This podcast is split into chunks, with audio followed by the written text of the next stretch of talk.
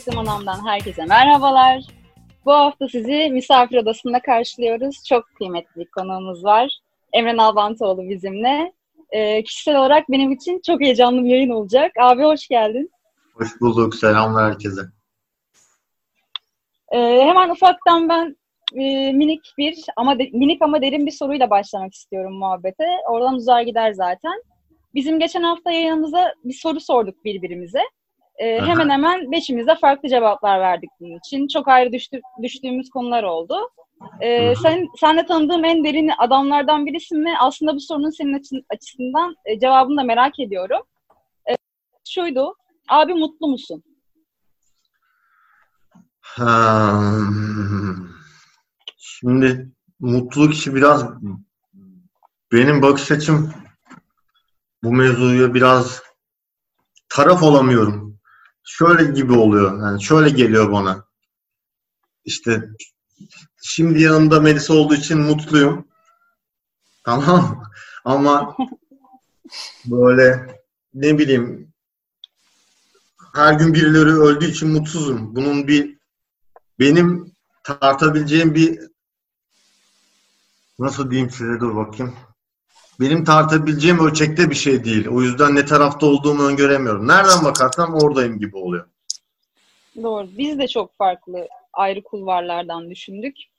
Ee, kimimiz işte anlara yorduk senin dediğin Hı-hı. gibi. Kimimiz işte sonuç odaklı, o gidilen yolda alınan hazdan bahsettik.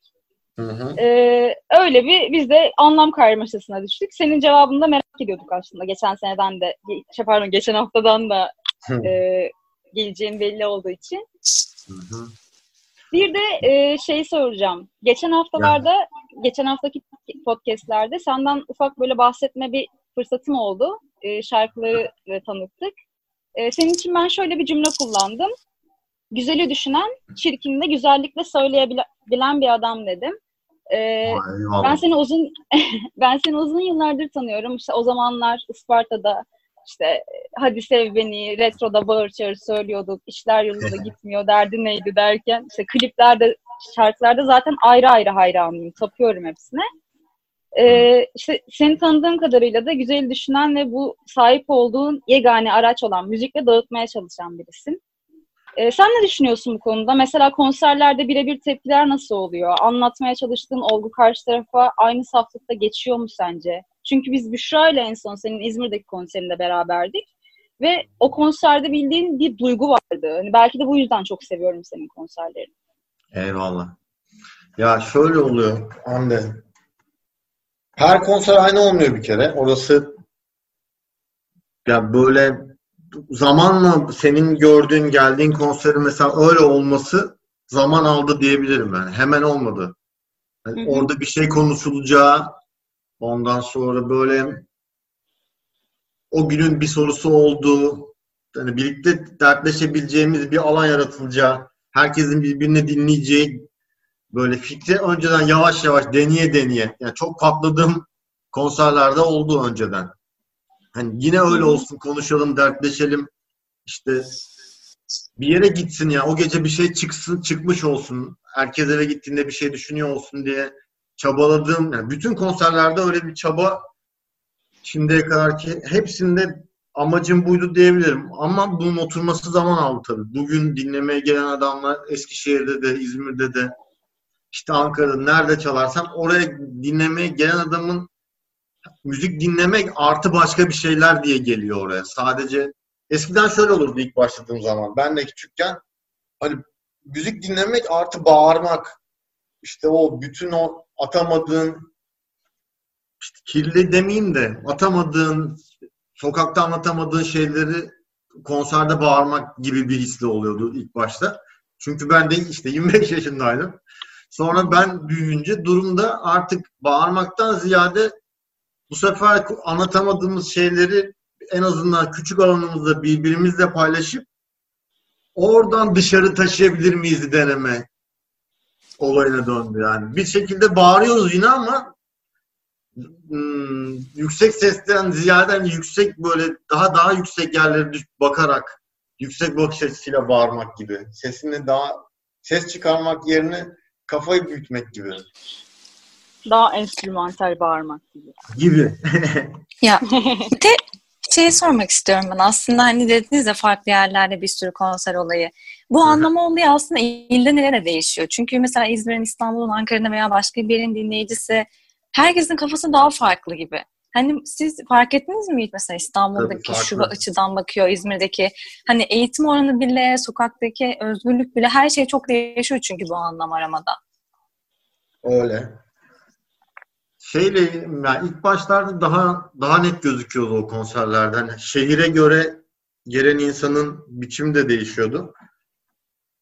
Ama sonra hani bu benim çalma işi devamlı olunca ve artık dinleyici de yani konsere gelecek insanların büyük kısmını önceden görmüş yani görmüş oluyorum. Kendi arasında bir seçilim oluyor ya. Artık bütün şehirlerde konsere gelen dinleyici tipi birbirine yaklaştı diyebilirim. Elenerek böyle kendi arasında bir sistemle tabii ki farklar var. Ama ortalama bir ortalama tutturduğumu düşünüyorum zamanla. Ama ilk başta dediğin çok çok çarpıyordu yani. Gidip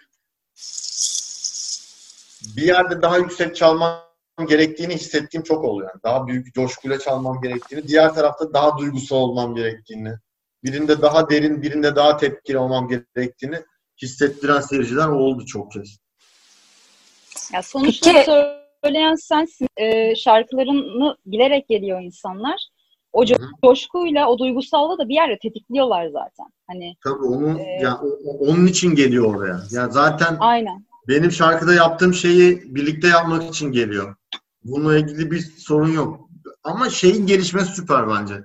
Bu durumun oradan yani o bağırıp içindeki tarif edemediği duyguyu dışarı kusma halini şimdi bağırmadan kusma üzerine böyle gideyim de bağır hani şöyle eskiden gidip konserde bağırırım. Şimdi şöyle oluyor. Giderim konserde arada işte bir yerde işte ne bileyim Emre abi yakalarım bir soru sorarım o da bana bir şey der o çok güzel olur gibi geliyor. Kesinlikle. Bu, bu bence iyi. Ama, ben, bana çok iyi geliyor böyle olması. Abi senin bu son zamanlarda yaptığın şarkılarda da bu çok belli biliyor musun? Dedin ya bağırıyordum ama şu anda bağırmak yerine kafayı açtım. Daha sessiz söylüyorum. Daha çok kişiye ulaşıyorum belki de. Son dönem şarkılarında da çok bariz belli bir şekilde bu. Şu an fark ettim bunu. Hı Biraz daha şey. bu, bu son yazdığım son son paket diyelim. O altı şarkı akustik evde çaldıklarım onların amacı daha böyle içleri çok dolu onların diğer yaptığım şarkıları. Hı hı. Diğerlerinin de bir fikri var ama işte diyorum ya onlar bir aralarında da zaman farkı var. Ben de büyüdüm. Şarkıların içleri de diğerlerine göre daha daha farklı. Daha bence mesela eskiden bir cümlenin altına birkaç anlam diyelim üç anlam sığdırabiliyordum bir cümlenin altına. Üç dil bildirebiliyordum ya da bir cümlenin üstüne. Şimdiki şimdi söylediklerim daha bence üçse artık beş oldu diyebilirim. Bu ama şeyle ilgili su kaynar yani 25 yaşındayken böyle suyun fokur fokur makarna suyun kaynadığını düşün böyle.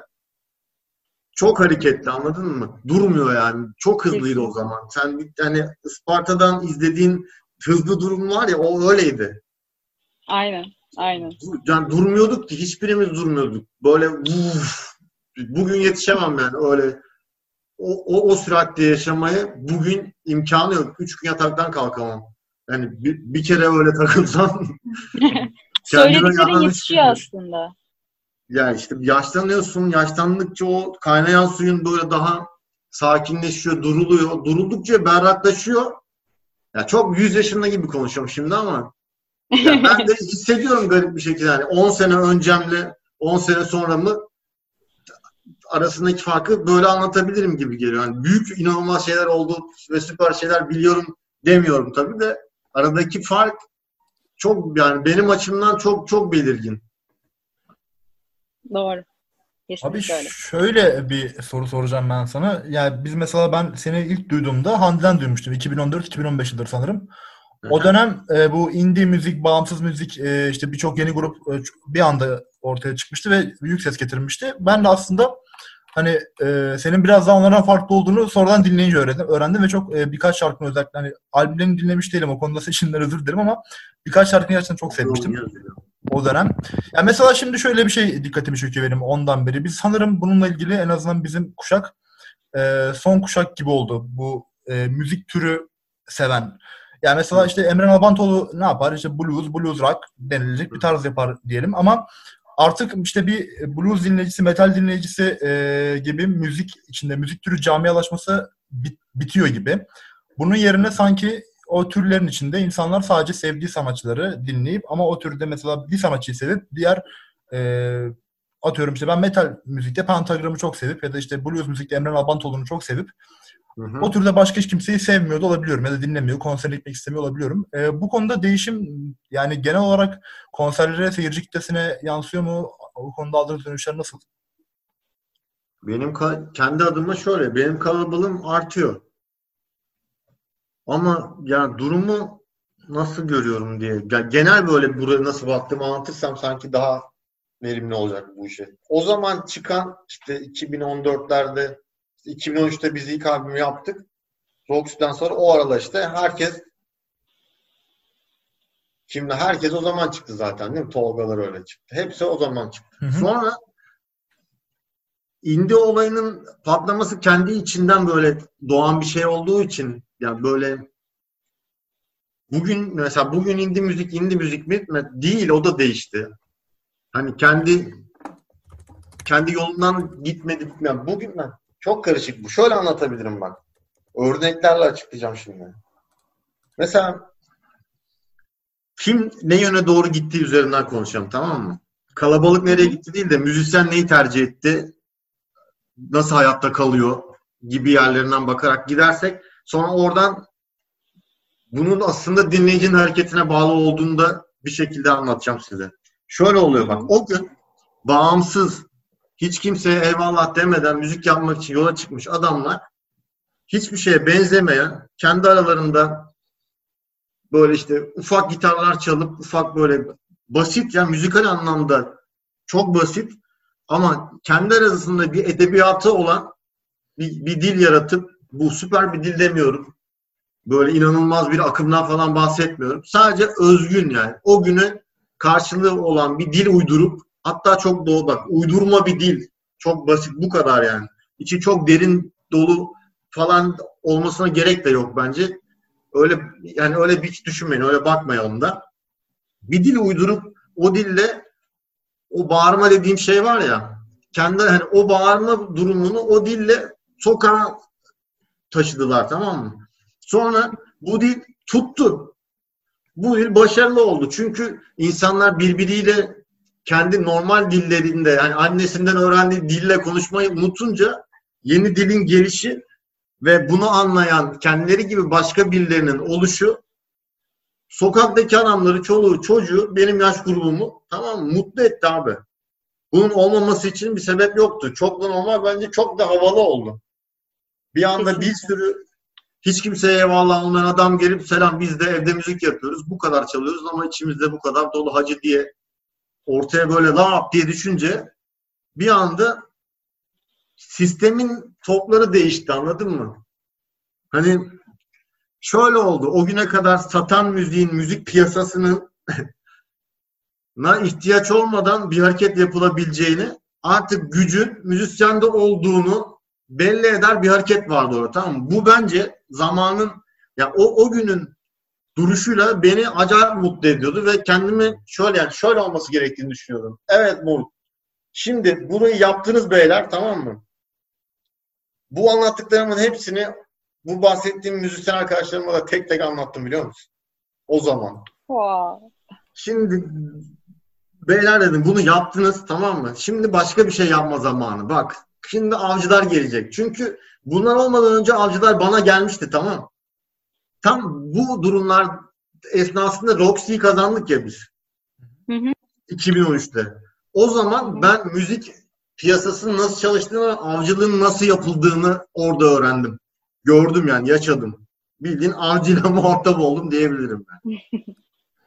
Sonra işin nereye gideceğini ben onlardan bak onlar benden büyük patladılar ki öyle olması gerekir. Süperdi bence.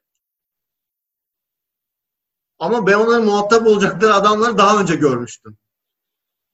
Fark burada. Ben burada ha, benim onlara anlattığım şey olmak. Bu adamlar yakında gelecek. Tamam uymayın. Elinizdeki şeyin inanılmaz olduğunu lütfen unutmayın. Yürüyelim böyle tamam mı? Gidelim ya. Gidelim. Kimse bize eyvallah demesin. Bundan sonra müzik bu işi öyle bir yere getirelim ki 3 sene sonra bir gün birileri müzik yapmak isteyip bizim çektiğimiz sıkıntıyı çektiği zaman moruk sıkıntı yok. Gelin ve müziğinizi yapın. Stüdyo mu lazım? Var. Biz hepsini halletmiştik önceden. Enstrümana ihtiyacımız var. Var. Hepsini biz halletmiştik. Sizin yapmanız gereken tek şey üretmek. Gelin bunu yapın. Diyebilecek bir sistem kuralım ben çok heyecanlanmıştım o zaman. Böyle herkesten istediğim, onlara bahsetmeye çabaladığım Tabii şimdi anlattığım kadar düzgün anlatabiliyor muyum bilmiyorum. Ya da o zaman şimdi anlattığım gibi ciddi gözüküyor muydu onu da bilmiyorum. Çünkü ben de serserinin tekiydim sonuçta. Ne yani ne bileyim böyle ne kadar ciddi anlayabilirim ki yani. Ya da benim işte dengim o zamanki diğer serseri hangi durumu çok ciddi alıyor ki beni alsın yani. Hangimiz o kadar ciddiydik? Hiçbirimiz değildik. Ve bu tercih işidir. O da bambaşka ayrı bir durum. Ne anlatıyorum be? Vah. Vay be. Genel ya, olarak müzik ama... piyasasının durumu. İçinden geçiyorum. Durun şimdi. Alır bunu. ya dur abi. Bakayım zamanlar güzel. Sonra durum şuraya geldi. Müzik piyasası işte sektör oldu ya durum işte o zamanlar. Müzik sektörü lafları o zaman çıkmaya başladı. Çünkü müzisyenler sistemi geçmişlerdi. Sistemi geçince bu benim gördüğüm ve doğrudur demiyorum. Bu benim izlemlerim tamam mı? Söylediğim her şey yüzde yüz doğru ve gerçektir diye öyle bir şey yok. Bu benim fikrim. izlediğim. Durum buraya geldi. Biz şimdi müzisyenler sistemi geçince, yenince bir anda müzik sektörü kelimesi duyulmaya başladı piyasada. Ulan oradan geliyor sektör, buradan geliyor sektör. Bir duyuyoruz. Ben de sektör kelimesinden hoşlanmam. Çünkü bir çalışan bir sistemin başına ya da kıçına sektör diye bir kelime geldiği zaman işin içine kıymetten ziyade artık patronlar para, sermaye, kapitalizm giriyor oğlu giriyor tamam mı? Aynen.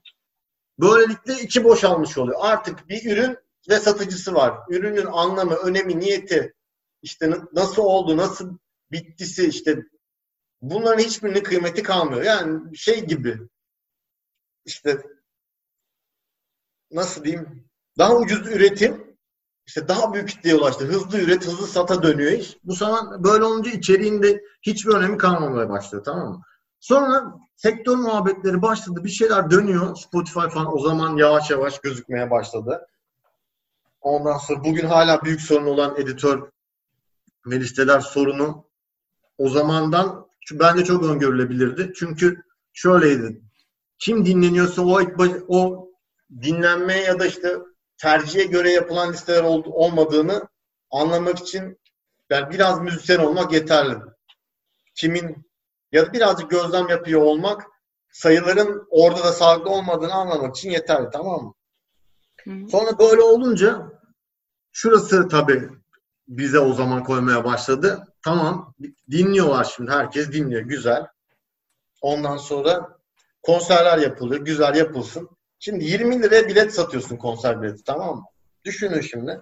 200 kişilik bir salonu o zamanın ki çok büyük salonlarda yok zaten. Ankara'da İstanbul'da işte ne bileyim popüler müzik yapılan yerleri 100-150 kişilik falan ortalaması tamam mı? İşte ne bileyim if var. İşte nereler var?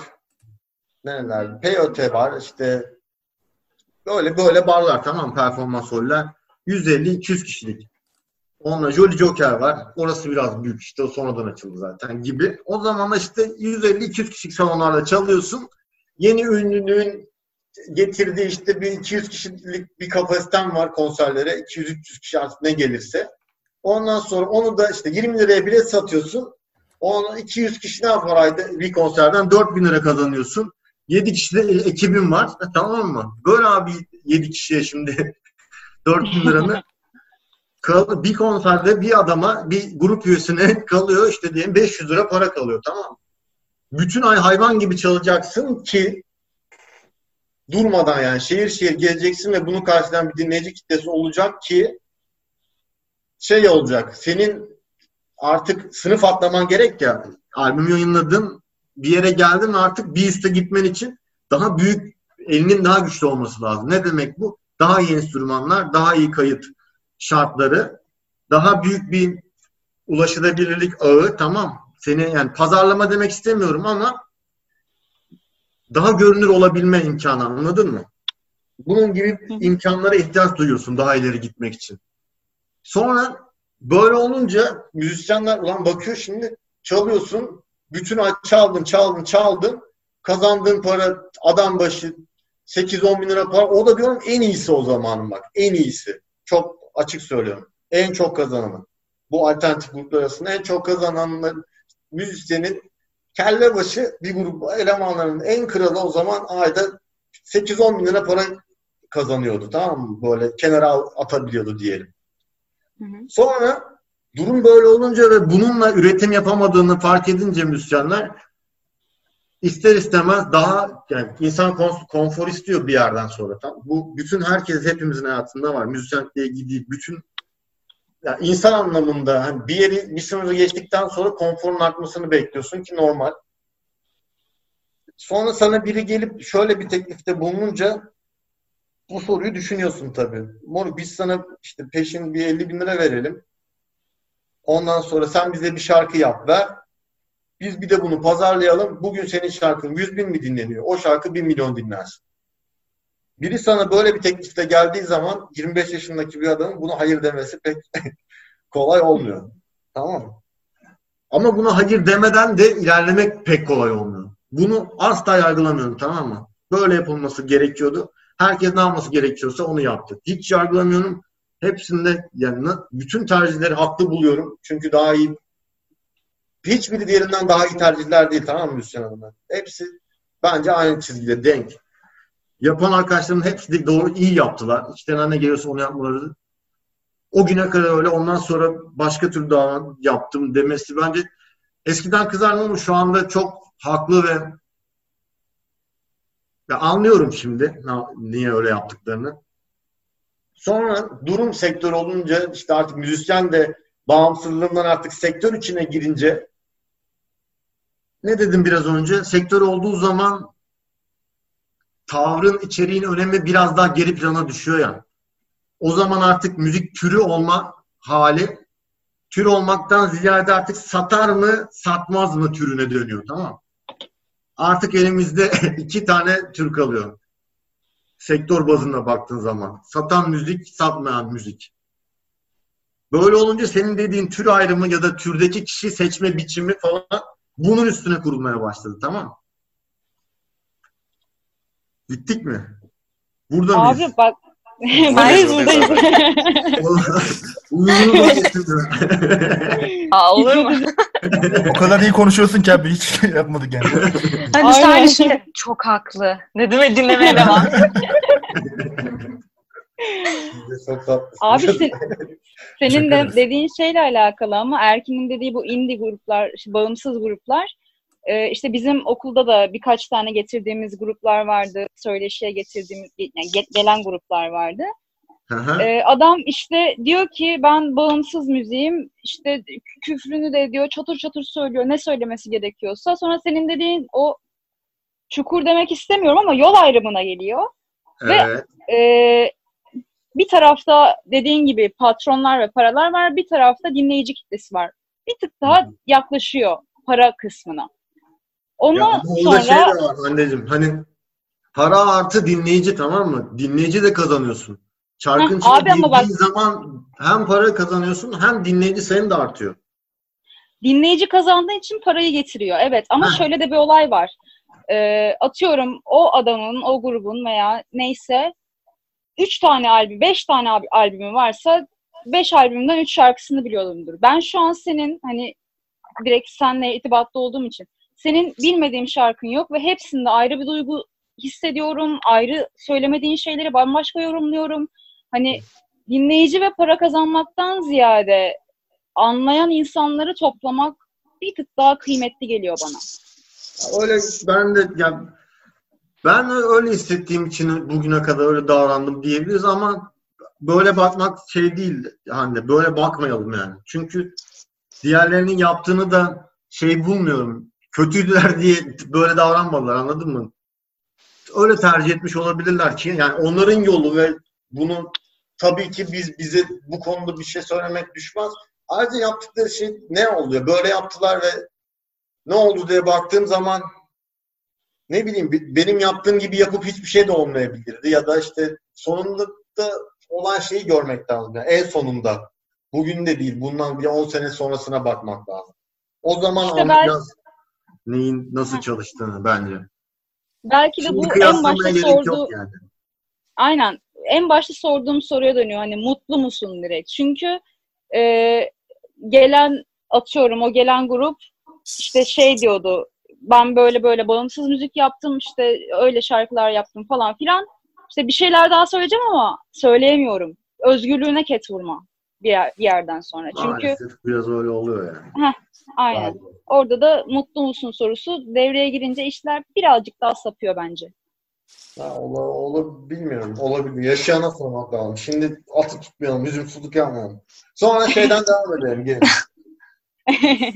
Dinliyoruz abi. Satan müzik, satmaz müziğe geldik ya. Hı hı. Evet. Dinleyici de o zaman sokakta ne yapıyordu biliyor musun? O ilk turu atlattıktan sonra ilk iletişebildiğini müzikle anladı ya şimdi sokaktakiler. Sonra o ara birileri uyandı tamam mı tezgah? Şuna uyandılar. Kavga edilen hallerin burası artık şeyden müzikten ve sektörden biraz daha çıkıp insana doğru gidiyoruz tamam mı? Şöyle oldu benim izlediğim. Sokaktaki çatışmanın bir şekilde ilgi çekici olduğunu ve insanların çatışmaya aç olduğunu birileri gördü. Birileri derken gizli güçlerden bahsetmiyorum. şöyle birileri, böyle nasıl diyeyim, daha doğrusu şöyle anlatayım. İletişmenin, iletişim kurmanın, o derdini paylaşmanın, kendi dilini oluşturmanın iyi olduğunu idrak ettik ve müzik bir anda değişti ya. Hı hı. Sonra sokaktaki adam, sokağa sert yaşayan adam da dedi ki moruk sizin diliniz öyle de bizim de dilimiz var. Bizimki de biraz sert. Bizim de müziğimiz var. O da biraz sert. İçinde daha çok dövüş var. Senin gibi kelimeleri sizin gibi seçmiyoruz. Bizim kelimeler de biraz daha sağlam. Moruk.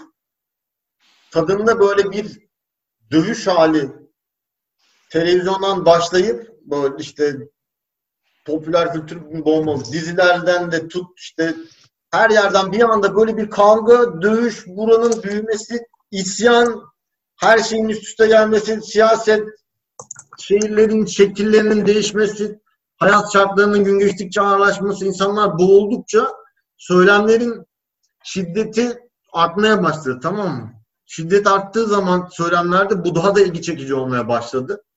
Bir de gittiler dünya müziğini takip ederken dünya müziğini takip etmek yerine dünyanın zehirleyen, dünyayı zehirleyen müziği takip ettiğimiz için biz ülke olarak oradan da kötü örnekler alıp üstüne bizim sokağın çatışmasını koyup bunları paketleyip sattılar. Çünkü bunu kolay satarsın ve kolay paketlenilebilir işlerdi. Aldılar sattılar. Onlar aldılar sattı. Artık bir millet birbirini kesecek seviyeye kadar geldi en son. Tamam mı? Geçen senenin geçen evet, senenin abi. sonuna kadar falan böyle oraya bir oraya kadar gelmişler. Sonra o zamanlar işte geçen yazın sonunda benim hissettiğim romantik bir akım başlayacağım müzikte. Öyle bir his vardı içimde. Daha böyle birbirine bağlanacak insanları böyle daha sevgiyi hatırlatan şeylerin kıymetli olacağını düşünüyorum. Hala o daha gelmedi bu yaz bence görürsünüz. Bu yazın sonunda özellikle sonbaharda bence romantik şarkıların çok büyük iş yapacağını düşünüyorum. Müzik tarzının da şu nereye gideceğini şu anda öngörebiliyorum. Bu elektronik müziğin ucuzu var böyle. Ucuz elektronik müzik, küçük altyapılar, yetenek gerektirmeyen işte böyle taklit müzik anladın mı? Kolay taklit edilebilir bir müzik sistemi var. Bu o gelecek Türkiye yakında. Gül, çok gürültülü olmayan. Tamam Üstüne de böyle bence hatun vokallerden naif seslilerin öne çıkacağı bir burç yorumu gibi oldu. Dönem ol, olacak gibi bence bu son var. Onlar ileri gideceğini düşünüyorum. Beraber deneyeceğiz bakalım. Şimdiye kadar tutturdum bence bu da tutar diye gibi geliyor. Ama inşallah patlamam yine de. Böyle bir yere gideceğini düşünüyorum müziğin. Sonra sokaktaki denge de işte bu hasta olmamızla birlikte bu söylediklerin biraz daha bence perçinlenmiş oldu. Sokaktaki duygusallığın artacağını da düşünüyorum. Bu artık şeyin hissin, o dövüş hissinin geçtiğini bence müzik yani bu bireysel anlamda şu şey dövüşten bahsetmiyorum. Hani bölünme anlamında toplumun ikiye bölmesi değil de bireysel sokak hayatından bahsediyorum. Hı hı. Oradaki dövüşün azaldığı biraz hissediliyor. Ben sokağa bakınca daha sakin insanlar görmeye başladım yalan söyleyeyim.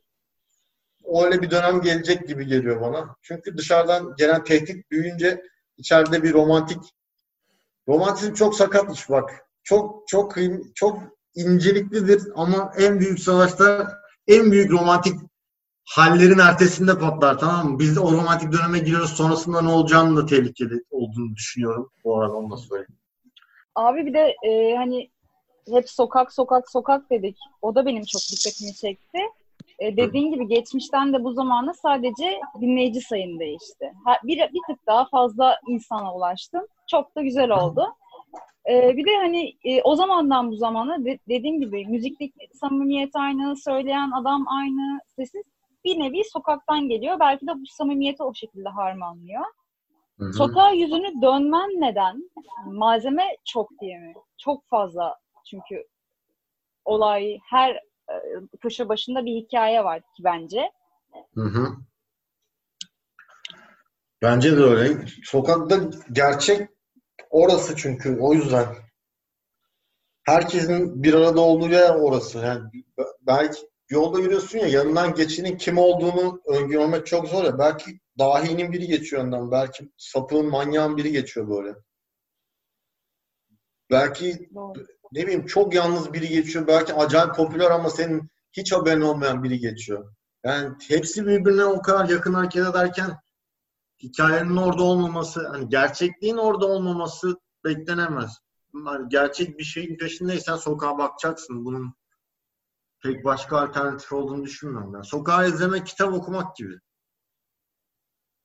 Şarkılarında da gerçeği mi anlatıyorsun? Ya anlayabildiğim kadar benim de anladığım da yani bakınca öyle çok hayırlı bir şey çözdüğüm de söylenemez ama ne diyeyim işte aklımın yettiği kadar ne görüyorsam onu da söylemeye çalışıyorum da bilmiyorum ki ya. Çok küçük geliyor bana her şey. O kadar küçük geliyor ki ya. Ya benim anladıklarım çok küçük. insanların yaptıkları çok küçük. Durduğumuz yer bence olmamız gereken yere göre çok geride ne bileyim kendi insanlığımızı olgun şeyi idrak edememenin verdiği acı zaten olduğunu tarifi yok. Hiçbir sızlamaya benzemiyor. Nasıl, ne, neresinden tutsam elimde kalıyor anladın mı? Keşke gücüm yetse ve bütün bütün büyük soruların cevaplarını bulsam ve tamam sakin olun cevaplar bende diyebilsem de öyle bir öyle bir yere de yani Diyorum ya bir, bunun üstüne birkaç ömür daha yeniden doğsam başlasam zor. Çünkü tekrar o kadar garip ki dünyanın. Bir tekrar biçimi var. Çok basit. Çok basit tamam mı? O kadar basit ki idrak edemiyorum ya. Fazla basit bence. Sadece benim makinem çözmüyor onu. Ya benim tarayıcı tarafı, okuyucu sistemi o dili bilmiyor, anlayamıyor ya. Ama yaptığı şeyi idrak ediyorum. Hayatın nasıl davrandığını, bir döngü olduğunu ve döngünün hem kendi üstünde hareket edip böyle hem kendini tekrar edip hem başka bir yerinden yeniden başladığını her gün görebiliyorum. Ama bunu yazmanın bir yolu yok. Dille anlatmanın bir yolu bende yok. Bulanı da daha görmedim. Ya bu şey ben gibi aslında. katılıyorum. yani söylediğine katılıyorum aslında. Hani birkaç kez gelsek de acaba bu sorunun cevabını bulabilir miyiz dedin ya. Bulamayız bence. Hani birkaç milyon kez gelsek de bulamayız. Ama insan şey diyor böyle Yani en azından üzerine düşünüyorum falan gibi güzel bir his de doluyor bence. Ama yani birkaç kez gelsek bile bulamayız sanki cevabını. Bir de buradan aslında hani böyle çok derin, çok güzel konuşuyorsun. Bunun üzerine bir şey sor, e, soracağım, soracağım sözlerle ilgili, şarkı sözleriyle ilgili. Böyle şarkı sözlerine e, hani şarkıyı dinlemediğinde, sadece sözleri okuduğunda böyle şiir gibi aslında. Özellikle son albüm öyle mesela. Bir de böyle hani şey oluyor. E ben mesela senin dinlediğimde Hande, Hande söylemişti bana da ve 18-19 yaşındaydım. Mesela o zaman dinlerken de aradığımı bulmuştum. Sonra bir sonraki albüm çıktı. Aa bu daha iyiymiş deyip onda da aradığımı buldum. Sonra bir sonraki albümde da, Aa, bu da bu çok daha iyiymiş deyip onda da aradığımı buldum. Aslında hani büyüdüm her seferinde dedin ya. Ya biz de aslında bakınca biz de büyüdük her seferinde. Hani buraya geldik ve e, şeyi merak ediyorum. Hani her biri şarkıyı dinlemeden de böyle şiir gibi geliyor. Ee, hani böyle seni sana ne ilham olur gibi bir şey sormayacağım ama hani okuduğun bir yazar, şair var. Bunu okuyorum ve buradan aslında bunlar çıkıyor falan gibi ya da bu dili böyle oluşturdum gibi diyebileceğim birileri var mı? Benim şeyim nasıl benim sistemim pek öyle çalışmıyor Büşra yani. Böyle benimki benim dil ne bileyim hiçbir şairden beslenmedim. Belki enayiliğim bu benim tamam? Yanlışım ama ya da ne bileyim hiç böyle kitap okurken de şöyle okuyorum. Açıyorum böyle oradan sanki bir kaşık daldırı gibi bir kaşık alıp ağzıma atıp kapatıyorum anladın mı? Hı. Ama yani o aldığım kaşığı büyük ihtimalle doğru yere sallıyorum. O onun üstüne çok düşünüyorum ama mesela bir kitabı alıp okuyup üzerinde birkaç saat düşünmek yerine bir kitaptan diyorum ya bir kaşık sallayıp onun üstüne günlerce, haftalarca düşündüğüm oluyor. Benim bir dilim varsa eğer olmuşsa bir kere o zaten şu anda acayip mutlu oldum. Öyle bir şey varsa süper. O benim dilim varsa evet süper gerçekten. Evet evet bugün hatta hani şeyle ilgili olabilir. Kendi aramda çok konuşuyorum. Kafamın içinde o kadar fazla konuşuyorum ki ister istemez kendi kendimi yani kendimi kendime anlatmanın, soru sormanın, cevap vermenin kendi içimde böyle bir sistemini bulduysam eğer dediğin gibi bir dil varsa orada bulmuşumdur da onu yazıyorumdur gibi. Bunu hani kendi aramızda da böyle konuşmuştuk. Bakınca hani Hande ile falan da konuşurken bunu Emran Alvantoğlu yazmış falan diyebiliyoruz aslında. Yani güzel bir şey. Eyvallah. Daha mutlu oldum çok. Başka sorunuz var mı acaba? Abi ben bir şey sormak istiyorum aslında. Eyvallah. Sıranı Gel. alabilirsem İmge. Kim? İlhan. Ee, evet. E, bu şarkıları yazarken, şarkıları bestelerken Aha. izlediğin yöntem mesela önce hakkına sözler mi geliyor? Ona göre bir e, melodi, bir kalıp mı yapıyorsun? Yoksa önce güzel bir melodi aklına gelip daha sonra buna şu sözler gider gibisinden bir yöntem mi izliyorsun? Onu merak ediyorum. Ben şöyle yapıyorum. Serdar mı diyeyim, İlhan mı diyeyim? Serdar'cığım. Serdar abi. Hmm, ilk bir tane şey gerekiyor ya. Tutunacak bir dal bulmak gerekiyor. Bütün şarkıyı almak için. Bir sağlam böyle bir destek alınacak bir cümle lazım tamam mı? Onu bulmak. Şarkıyı yani onu bulduğun zaman bir şarkın oluyor. Sonrasını istediğin gibi ya o dayanacağın kenarı bulduğun zaman üstüne aynı şarkıdan işte bin çeşit kurulabiliyor.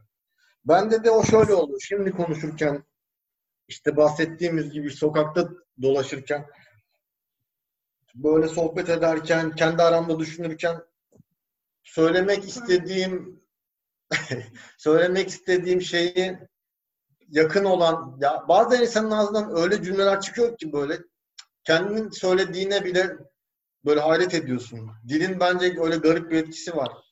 Evet abi. Söylediğin şey bazen senin se, senin bütün kütlenden büyük oluyor.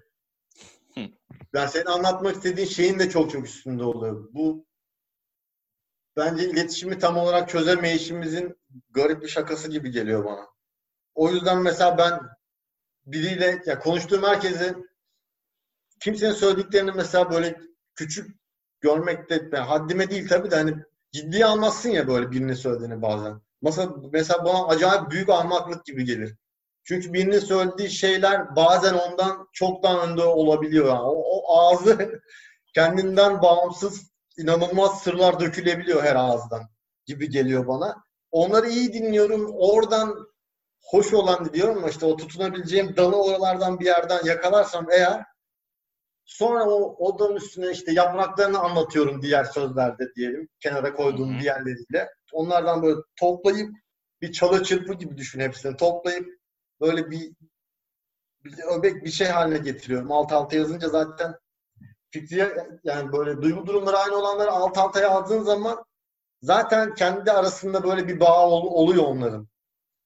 Anlat yani konusu aynı olanları alt alta yazdığın zaman hepsi senin gözlemlerin ve senden çıkan şeyler ya. Evet. 6 ay içinde yazılmış bir şiirmiş gibi bir şey oluyor. Çok uyaklı veya süper olmasa bile orada bir hikaye başından sonuna seninle birlikte yaşamış cümlelerden oluşan bir hikaye oluyor.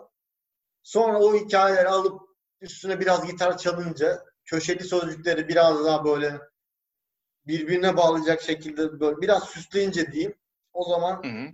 şarkı artık şarkı olmuş oluyor.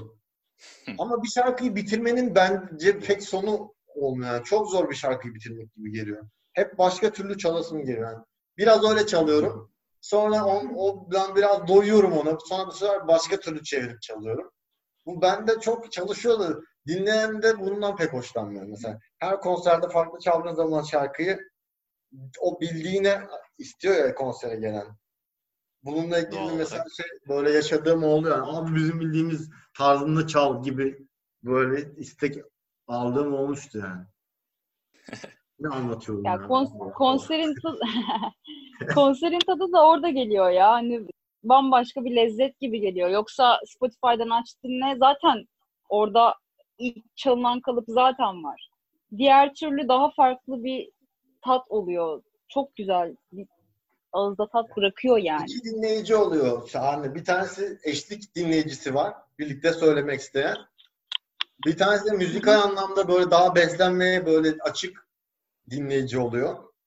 Bu bir de o mesela tamamen böyle iki karakter gibi değil de o gününle de alakalı. Bir konser ben gittiğim zaman da bazen iyi müziği duymaya çalışırım. Bazen de işte ne bileyim o gün kafa çekeceksek coş, coşku böyle anladın mı? Daha benim de bağıracağım yerini beklerim şarkının yani. O a, gününe göre değişen de bir şey ama çok böyle müzik ihtiyacı zaten ne kadar bölünebilirse o kadar işte. Ya birlikte söyleyecek ya işte içine girip orada bir alan kurup onun içinde yaşayacak. O günkü tercih neyse senden de onu istiyor işte dinlemeyi yani. Haklı olarak bir şey. Aynen. Bu Sen şarkı sözleriyle de... hepsini koymak istiyorsun. Bütün çalıştığım her şeyi oraya götürmek istiyorum.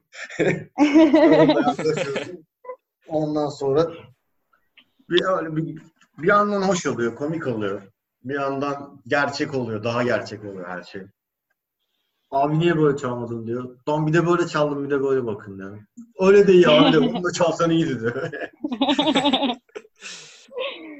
Bu e, aslında senin dinleyici kitlen böyle şarkıları her bir çıkan şarkıyı bayağı çocuğu gibi, annesi babası gibi sahiplenen bir kitle.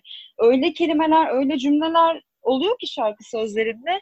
İşte adam işte Twitter'a yazıyor tek bir cümleyi, duvar sokak duvarlarına yazıyor. İşte Instagram'da atıyorum kullanıcı adı oluyor. Hakikaten bu tarz şeyler ben çok karşılaştım. Hatta İzmir'de böyle yürüyorum. Senin bir şarkının sözü böyle tüylerim diken diken oluyor yani. Hı o şekilde bir irtibata geçmek beni çok etkiliyor açıkçası. Aynı zamanda bu son zamanlarda ben e, Instagram'da böyle hikayelerle gezerken çok alakasız bir insandan çok alakasız bir yerinde e, bir şarkıya denk geldim. Umut Özensoy'un senin işte Gitme şarkını coverlamış. Hmm. E, ilk dinlediğimde zaten böyle bir beş dakika böyle bir kilitlendim. Hani şey gibi geldi hani eski bir şarkı gibi yapınca hani Emre abi'nin şarkısıydı nasıl falan filan. Sonra bir araştırınca o da çok hoşuma gitmişti mesela. Hani her e, kalıba değil de her duyguya girebilen sözler olduğunu düşünüyorum. Melodiler olduğunu düşünüyorum ben. Eyvallah. Benim de hoşuma gidiyor ya. Birileri yani mesela çok büyük bir kalabalık olmamasına rağmen birilerinin şarkıları böyle çalıp videolar atması, ne bileyim cover yapması yani o derecede kıymet vermesi çok güzel. Sokakta hakikaten duvar yazısı olarak ilk gördüğüm zaman bana da çok havalı gelmişti.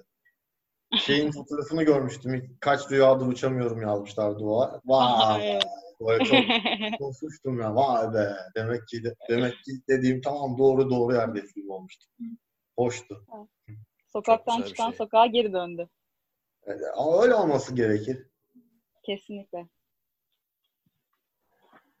Abi peki şöyle bir şey var. Hani müzisyenlik e, işte bir tarafta çok teknik ve kalite yani prodüksiyon olarak müzik yapmak, o o konuda kaliteler ön plana çıkmak var. Bir de işte söz yazarlığı ve yaptığım besteler e, gerçekten belli bir kitleye hitap eder ama e, hani prodüksiyon olarak ya da teknik olarak daha mütevazi bir e, müzisyensindir ya da bir grupsundur.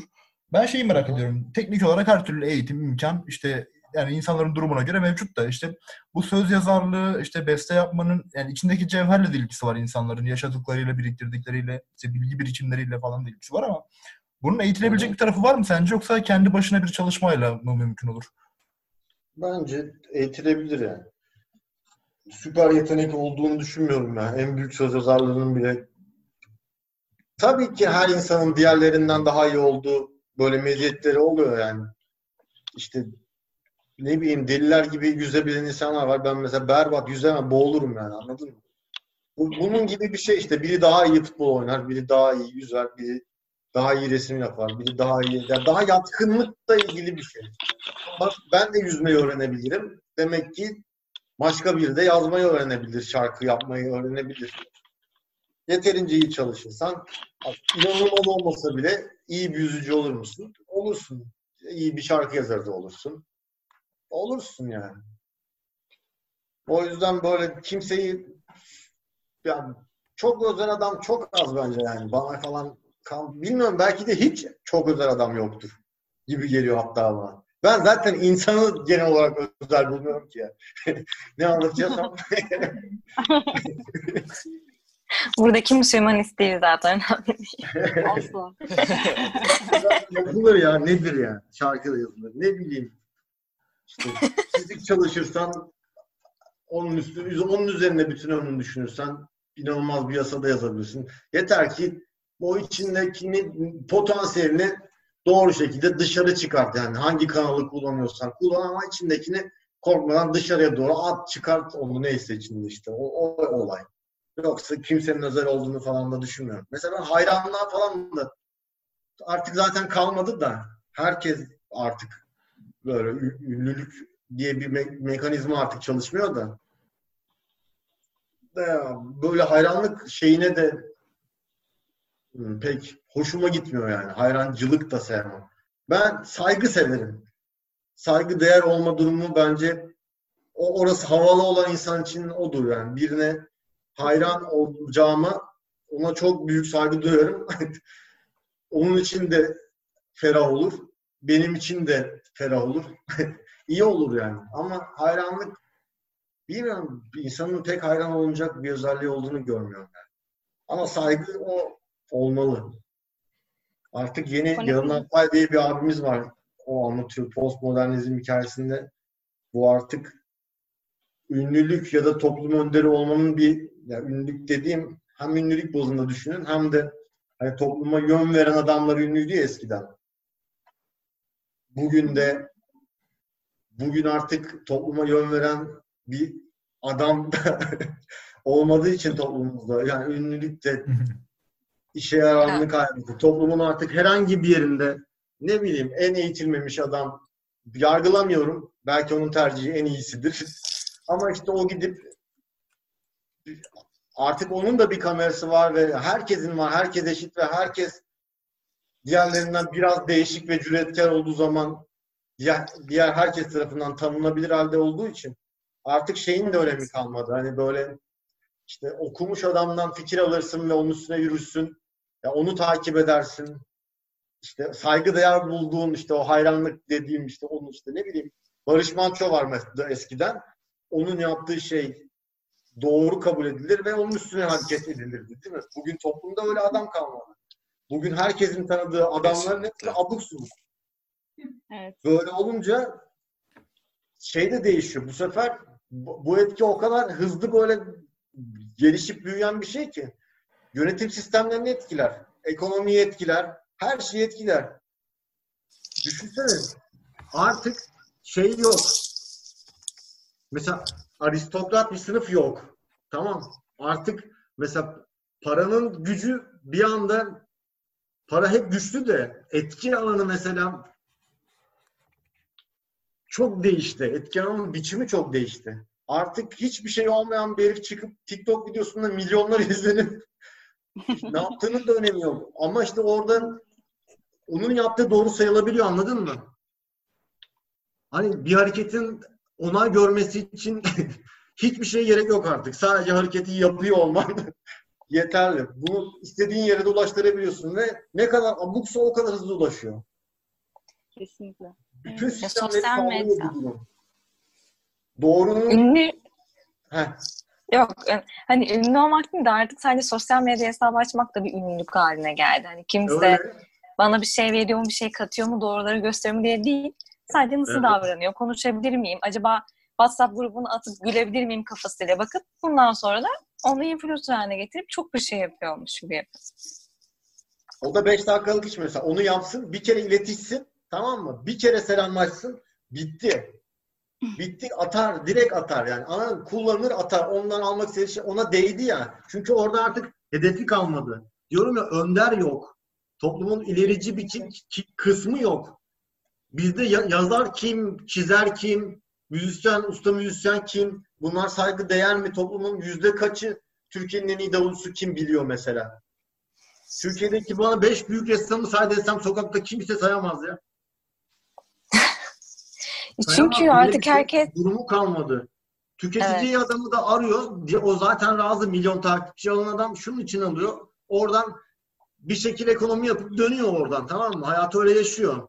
Diğeri de senin dediğin şeyi yapıyor. Deniyor diyor ki ben de bununla diyor bir, bir canlı yayınına gitsem bunu bir selam verse bana ben de onunla aynı yere gelirim diyor tamam mı?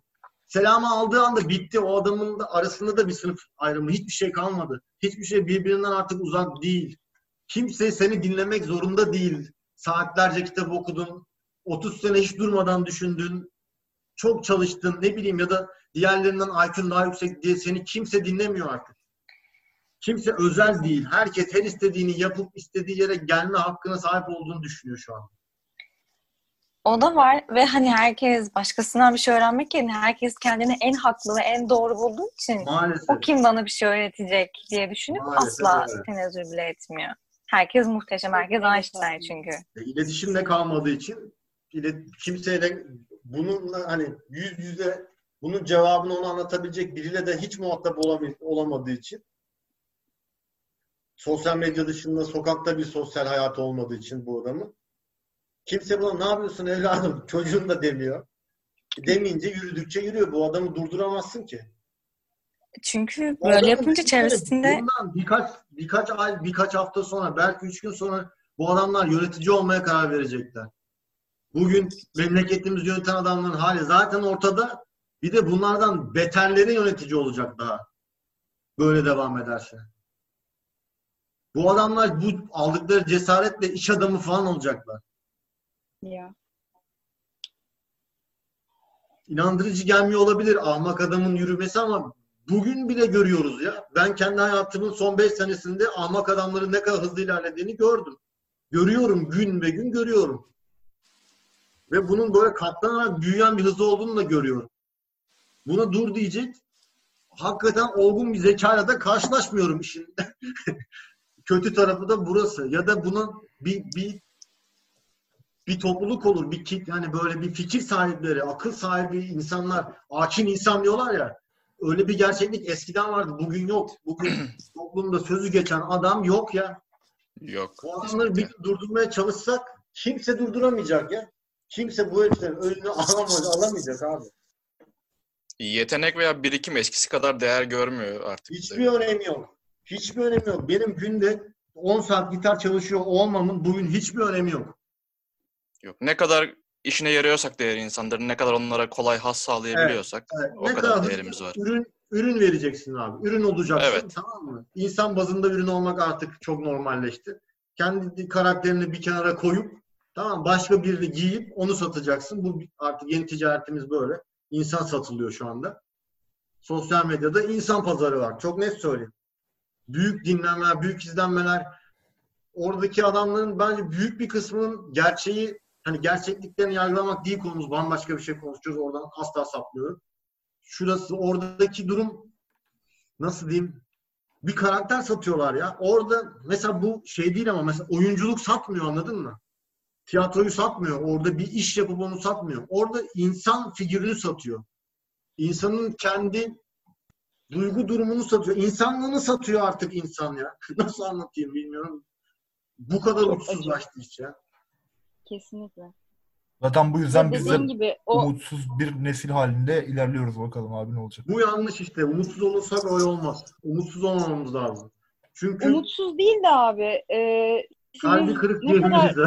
Ha işte bence aynen. Kal- evet Boynu kalplerimiz çok kırık.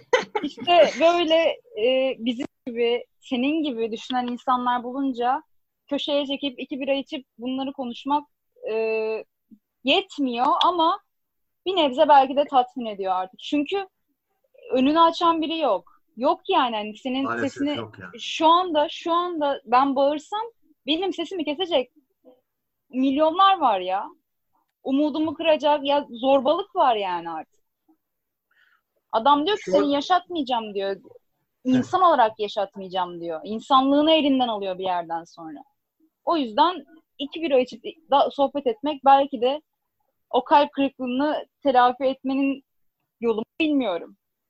Şey yapmak lazım anneciğim. Böyle o umut halini ne bileyim bırakmayacaksın bir şekilde ki bir gün şeye yani buna ihtiyaç donanımlı insana ihtiyaç bence bir gün duyulacak. Çünkü bu kadar çılgının bir arada olduğu düşünsene böyle bir sürü kendinden yüzde yüz emin böyle manyak herif sokaklarda cirit atıyor işte bir çılgınlık hali devam ediyor. Bir gün bunlar birbirlerine çarpmaya başladıkları zaman bir gün illaki akıla ihtiyaçları olacak ya. Bir gün hakikaten ben akla ihtiyacı olmayan insan daha görmedim ya. Doğru. Abi bir şey daha soracağım. Ee, lafını kestim ama. Yok yok gel gel. aslında bu e, bu işte kaç saattir da- dakikadır konuşuyoruz bilmiyorum ama bu totalde konuştuklarımızın hepsi cidden ulusa sesleniş gibi oldu. Ama sadece şeyi merak ediyorum. Şu an düşün elinde bir mik- mikrofon var. Bütün dünya seni izliyor. Ağzından çıkacak belki birkaç cümleye bakıyor. Demek isterdim. Oo. Şey yapıyor muyuz? Ara veriyor muyuz? Daha var mı zamanımız? Ona göre mikrofon hazır almışken. Abi sana bağlı. Keyif senin. Biz devam ederiz istersen. Tamam. Sen şu an için saat kaç saati görmedin de ondan sordum. 12 geçiyor. 20 geçeye kadar değil mi zamanımız? Evet. Evet 8 Tamam. dakikamız var. Ne demek? Ne, ben ne yapardım biliyor musun? Bir, somut anlamda yapacağım şeyler. İnanılmaz konuşmamdan ziyade neleri değiştirmeye çalışırdım diye düşünüyorum şu anda. Bir, reklamları kaldırırdım tamam mı? Bir, ilk yapacağım iş reklamcılık, reklam sektörü denilen tamam mı? Zımbırtı bence. Bence beş para etmez bir sistem. Kapitalizmin böyle çıngırağı anladın mı? Öyle pis bir şey ki bu reklamcılık. Acayip pis bir şey yani. Günümüzde. Bu ama bir de bunun tarihi de öyle eski ki inanamazsın yani. Çok eski. Böyle yalanın tarihi kadar reklamcılığın tarihi var. bir kere bu işe kesinlikle bir birinci hareketin buna müdahale etmek oldu. Şöyle yapardım. Ya doğru bilgi şu anda büyük ihtiyaç ya. Bir kere ya diyorum ürün anlamında bile kimsenin mutluluk pazarlamasına izin vermezdim tamam mı? Kimsenin işte çamaşır makinesi satıp buzdolabı satıp onların sevgi kattığını, bunların evi aile yuva yaptığını falan söylemesine kötü içeriği olmayan şeyleri içeriği varmış gibi paketleyip sana hiçbir şey satmamalarına insanlara düşünsene büyük heveslerle hiçbir şey alıp duruyoruz sürekli ya. Her gün eve bir kutu geliyor, açıyorsun içinde hiçbir şey. bununla bir ömür yaşamış bir insanın nasıl mutlu olmasını beklersin ya? Bu umutsuzluğun temellerini oluşturan şeylerden bence en büyüklerinden biri ya. Her gün sana birileri bir şey satıyor. Sen alıyorsun o hevesle çocuk gibi her gün aynı çocuklukla ışıl ışıl paketli eve getiriyorsun heyecanlı nefes nefese açıyorsun abi boş içi ya. Her gün bu kadar kalbi kırılan insanın nasıl sağlıklı hareket etmesini beklersin ki?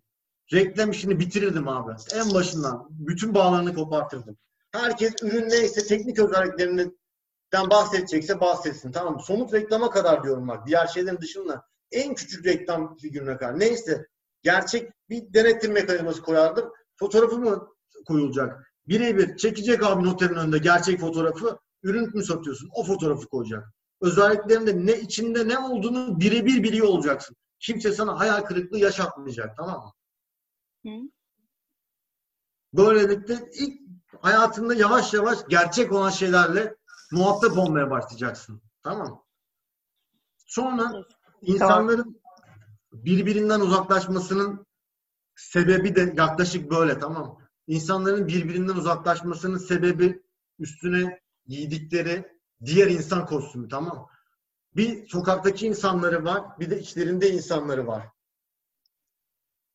Bizim paketleme işi evet. insanda da geçerli dedim ya. Tam öyle. Biz bilmeden bireysel anlamda paketler giyiyoruz üstümüze. Şöyle oluyor o yüzden ilişkilerimizde. Biz Melisa ile tanıştık süper paketlerimizde. İkimiz de parıl parılız. Ondan sonra bir, bir saat zaman geçirdik. Üç saat zaman geçirdik. Bir hafta zaman geçirdik. Tamam mı? On gün zaman geçirdik. Üstümüzdeki paket gerçekliğimiz gibi değil. Paketler eskir çürür paketler. Paketler dökülmeye başladığı zaman insan karşındakinin kutu gibi işte boş olduğunu görünce o iyi paketin içinden bir bok çıkmadığını görünce kalbin kırılıyor. Beklentin de zaten paketin artistliğine göre büyük geliştiği için sen o zannediyorsun, oymuş gibi davranıyorsun. Paket dökülüyor, geriye kalan şey seni mutlu etmiyor. Boş kutu oluyor orası. Şöyle olması gerekir bu paketten sıyrılmış insanların birbirini insan olduğu için öyle görüp öyle sevmesi gerekir anladın mı? Öyle kabul etmesi gerekir. O zaman birbirlerini bir insan çok kötü olabilir ki bütün insanlar bence çok kötüdür. Ama birbirlerinin büyük kötülüklerini kabul edebilecek kadar da kötüdürler anladın mı? Bu iyi olmanın evet. başka bir tarif biçimi bunu da bunu bunu iki insan arasında sağladığı anda artık korkacak, kaçacak bir şey kalmayacak. Gerçekliği kendi adına da yaşıyor olacak. Böyle olduğu zaman hayattan tad almak, keyif keyif diye bize pompalıp durdukları o iğrenç bok kelime var ya keyif. Onun yeri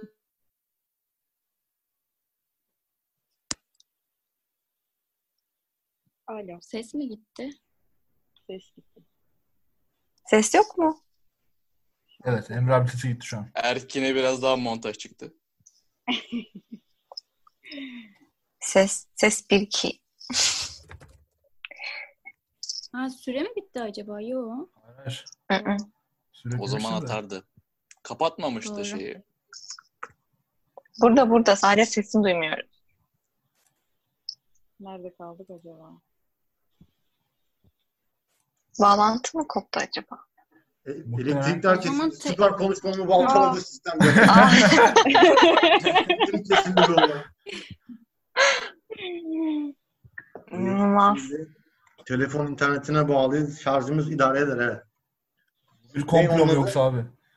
Sorma bir oğlum ya. Hep bizim oluyor. Elektriğin tam zamanı bulması Aha, bir kendimizin birebir anlamdaki ilişkilerimizin gerçekliğini arttırmamız lazım. Orada da insan ticaretini ortadan çıkart kaldırmamız gerektiğini düşünüyorum. Sonra üçüncü adımda şey yapardım.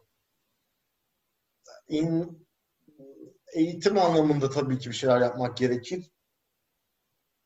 Ama benim eğitim anlayışım biraz mesela bugünkü gibi bir eğitim sistemi içinde çocukları yormak bence çok yani lüzumsuzca almakça yani. Ben daha daha böyle daha sosyal bir eğitim sistemi anladın mı? Daha daha ince düşünülmüş. Hı hı. Üreten böyle çocukların birlikte bir şeyler ürettiği, hayal kurduran bir eğitim sistemi. Birikimin yani ıı, bilgi birikiminin lüzumsuz bilgi birikiminden ziyade böyle artık seçilmiş bilginin böyle özün anlatıldığı, bilimin neye yaradığını anlatan, matematiğin ne için kullanıldığını, fiziğin neden gerekli olduğunu, neden kimya diye bir şey olduğunu, biyolojiyi neden bilmemiz gerektiğini önce anlatıp eğitim kısmının büyük bir kısmını bununla geçirirdim. Felsefeyi anlatırdım. Düşünmeyi öğretirdim çocuklara tamam mı? Sonra bütün bu dallarında farklı farklı düşünme biçimleri olduğunu onlara idrak ettirirdim. Sonra onlar kendi dillerini kendileri seçerler. İstedikleri dalda yakın istedikleri yönde eğitimlerine devam ederlerdi. Böylece ne olurdu? Zaman kaybetmezlerdi. Günümüzde bugün itibariyle baktığın zaman zaten çok gerisinde. Eğitim sistemi bugün çok çok çok yani tarihi eser benim gözümde. Kesinlikle. Hatta yani internet geldiği andan itibaren eğitim sistemi çöktü yani hiç kurtarır bir tarafı kalmadı. Bugün bilgiye ulaşacaksın ne yapacak hoca anlatacak da öğreneceksin de sınava gireceksin de falan filan bunlarla uğraşana kadar oho yani. Çok ilkel bir durum. Çok ilkel. Ben kendi gitar bak ben öğren gitar öğrencisi olarak bakıyorum kendime. Düzenli çalışıyorum. Çok uzun zamandır bu işle ilgilenmeme rağmen bundan da böyle hep üstüne basarak söylüyorum çok çalıştığımı. Bir konuda örnek olacaksam bununla örnek olmak isterim. O yüzden ben böyle bir üstüne çok buna zaman harcadığımdan bahsetmek gerektiğini düşünüyorum. Neyse ya bugün bana ya sadece internet alanında girip böyle araştırdığım zaman yani baktığım zaman tamam şu konuda hmm, şu konu çok net. Bir sürü ziyan, zebil bilgi var. içi boş, çöp, berbat hocalar da var. Şöyle olabilir. Eğitim sistemi mesela sözlük okumayı öğretmek gibi anladın mı? Biz çocukken bize sözlük okumayı öğretmişlerdi ben çocukken. Bugün de mesela internet okumayı öğretebilirsin. Hani bir somut bir öğretmene ihtiyacı olursa mentor gibi olmalı anladın mı? Böyle hani çocuğu hem psikolojik anlamda koruyacak hem onun yaşı itibariyle çözemediği problemi ustalıkla çözebilecek donanımda olacak. Hani matematik öğretmeni değil, o insani anlamda bir şeyler katabilen, çocuk sorunu çözen, çocuğun sorununu çözebilen öğretmenler gerek. Çocuğu sınav yapan öğretmenlere bugün gerek yok. Daha büyük nasıl anlatırım? Çünkü bugün çocuklar birbirlerine sorun çıkartma üzerine bir sistemin içindeler. Bir öğretmen tanıdığım kreş öğretmeni böyle tanıdığımla bir, bir konuşmamızda bu çocukların arasındaki zorbalığın sınırlarının ne kadar genişlediğini, çocukların artık zekasının ve davranış biçimlerinin ailelerinden çok çok önde olduğunu, onları ailelerini kullanıp maymun ettiklerinden bahsediyor yani anladın mı? Durum bu kadar fena hani ileri bir zekayla bizi bizi hani bizi eğledikleri yöntemle bu çocukları eğleyemezler. Bu çocuklar üç kağıda da daha hızlı öğreniyorlar. Tamam Zorbalığı da, kavgayı, dövüşü de bunlar böyle ama fiziki kavga değil artık. Bu bu kavga zihin kavgası. Yani bizim gördüğümüz ya benim ben ilk üç kağıdı 13 yaşında gördüm ben. Yani ilk haksız rekabeti diyeyim mesela. Ne bileyim ilk dolandırıcılığı 15 yaşında gördüm. Bugün çok net anlatıyor. Örneklerle anlatıyor yani. 6-7 yaşındaki çocuklar komple teorileri anladın mı ilişkilerde? Bu kadar ileri seviyedeler. Çünkü iz, o kadar hani izlediğimiz diziler falanlar filanlar kompanlar durumların içinde hep akıl oyunları var ya. Her yerinden işte o sa- saçma o dizilerin içinde tamam bir açıdan olmalılar ama bir açıdan da çocuklar bir şekilde maruz kalıyor bunlara ve akıl oyunu öğrendiler ya. Çok hızlı öğreniyorlar. Oğlum öyle böyle değil ya. Düşünsene biri ailesini manipüle edebilen 6 yaşında bir çocuktan bahsediyoruz ya. Kesinlikle. Tehlikenin büyüklüğüne baksana. Bunu ehlileştirmek çok zor olacak ileride. Kesinlikle Çünkü öyle. bunun ahlaki bir değeri olmayacak. Ahlak ne demek onu da ayrı tartışırız da bu çocuğun artık ahlaki olarak gördüğü tek şey manipüle edebilmek gücü. Hedefe ulaşmasıyla ilgili zamanı ne kadar kısalttığı onun için artık başarı. Ne kadar kısa zamanda koyduğum hedefe daha hızlı ulaşırım oyunu üzerine. Hani diğer yaptığı şeylerin ne kadar legal olup olmadığı onu ilgilendirmiyor. Hedefe nasıl giderim? Ve 6 yaşındayım. Düşünsene bir nereye gidebileceğini için. Bu adamı birinin zapt etmesi lazım. Hangi anlamda zapt etmesi lazım? Ahlaki açıdan ailesi bunu ahlaki demeyeyim. Hiç doğru bir kelime de değil aslında da.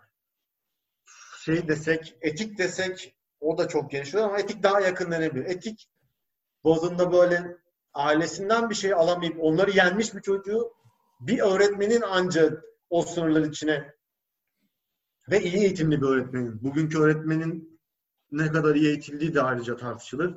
Bugünkü öğretmenin de o çocuk tarafından manipüle edilmesini çok kolay olduğunu düşünüyorum. O da bambaşka tabii. Önce bir eğiticilerin eğitilmesi lazım olacak. Bu böyle çok köklü bir sistem anladın mı eğitim üzerine? İyi düşünülmüş. Şey gibi değil ya. Bu, bu böyle bir şey değil çünkü. Mahalleye kütüphane açtık ama kimse kitap okumuyor. Bu böyle bir burada bitecek bir düşünce biçimi değil anladın mı? Neden kitap okumadığının en ince temellerine kadar önce hesaplayacaksın. Tamam mı? Her şeyi sen öngörüp hesapladıktan sonra okumamaları için bir neden bırakmayacaksın. Sen bilim adamı olarak yapman gereken bu. 6 yaşındaki bir çocuğu 60 yaşındaki bir bilim adamı stratejik anlamda yenemiyorsa zaten bıraksın bu işi. Bununla ilgili bir metodoloji yapamıyorsa zaten nasıl bilim adamı olur? O da ayrı tartışılır. Herkesin bugünümüz bilim adamlarının yüzde kaçının gerçek bilim adamı olduğu da ayrı sorgulanır. Bunların hepsinin temelden değişmesi gerek eğitim olarak. Doğru bir yere gidelim. Başka türlü olmaz. Sonra, Yeni bir dünyada belki. Heh, sonra üretim üzerine bir çalışma yapardım ve ne üretmekten başlardın abi diye sorarsanız ben topraktan başlardım. Tamam. Toprak üzerine ilk önce meyve üretirdim anladın mı? Meyve, sebze, buğday. Bunların önünü açardım. Burayı bir büyütürdüm önce. Tamam? İnsanların açlık ihtimalini ortadan kaldırırdım. Ayrıca bugün teknoloji anlamında bir atılım yapmaya kalksak dünyayı yakalamamıza bence 30 sene sürer ama patates ekmeye kalkarsak dünyayı 6 ay sonra yeriz ya. Biraz daha makul bakıp duruma elindeki imkanların ve hani öngörünü biraz daha tatlı kurup oyununu tamam besin anlamında zaten yarısı dünya nüfusunun aç 8 milyar ise 4 milyar insandan fazlasının açlıkta boğuştu ortada bugün. Yoksullukla uğraşıyorlar. E, gıda koftik bir ihtiyaç gibi gözüküyor olabilir silahın yanında ama değil. Bizim de iyi yapabildiğimiz bir şey. Biz tarım toplumu olduğumuzu bize anlattılar. Ben okuldayken küçükken. Öyle dediler ama bugün gördüm abi. Bugün 30 liraya şeftali olmaz ya. Olmaz. Bu saçmalık ya.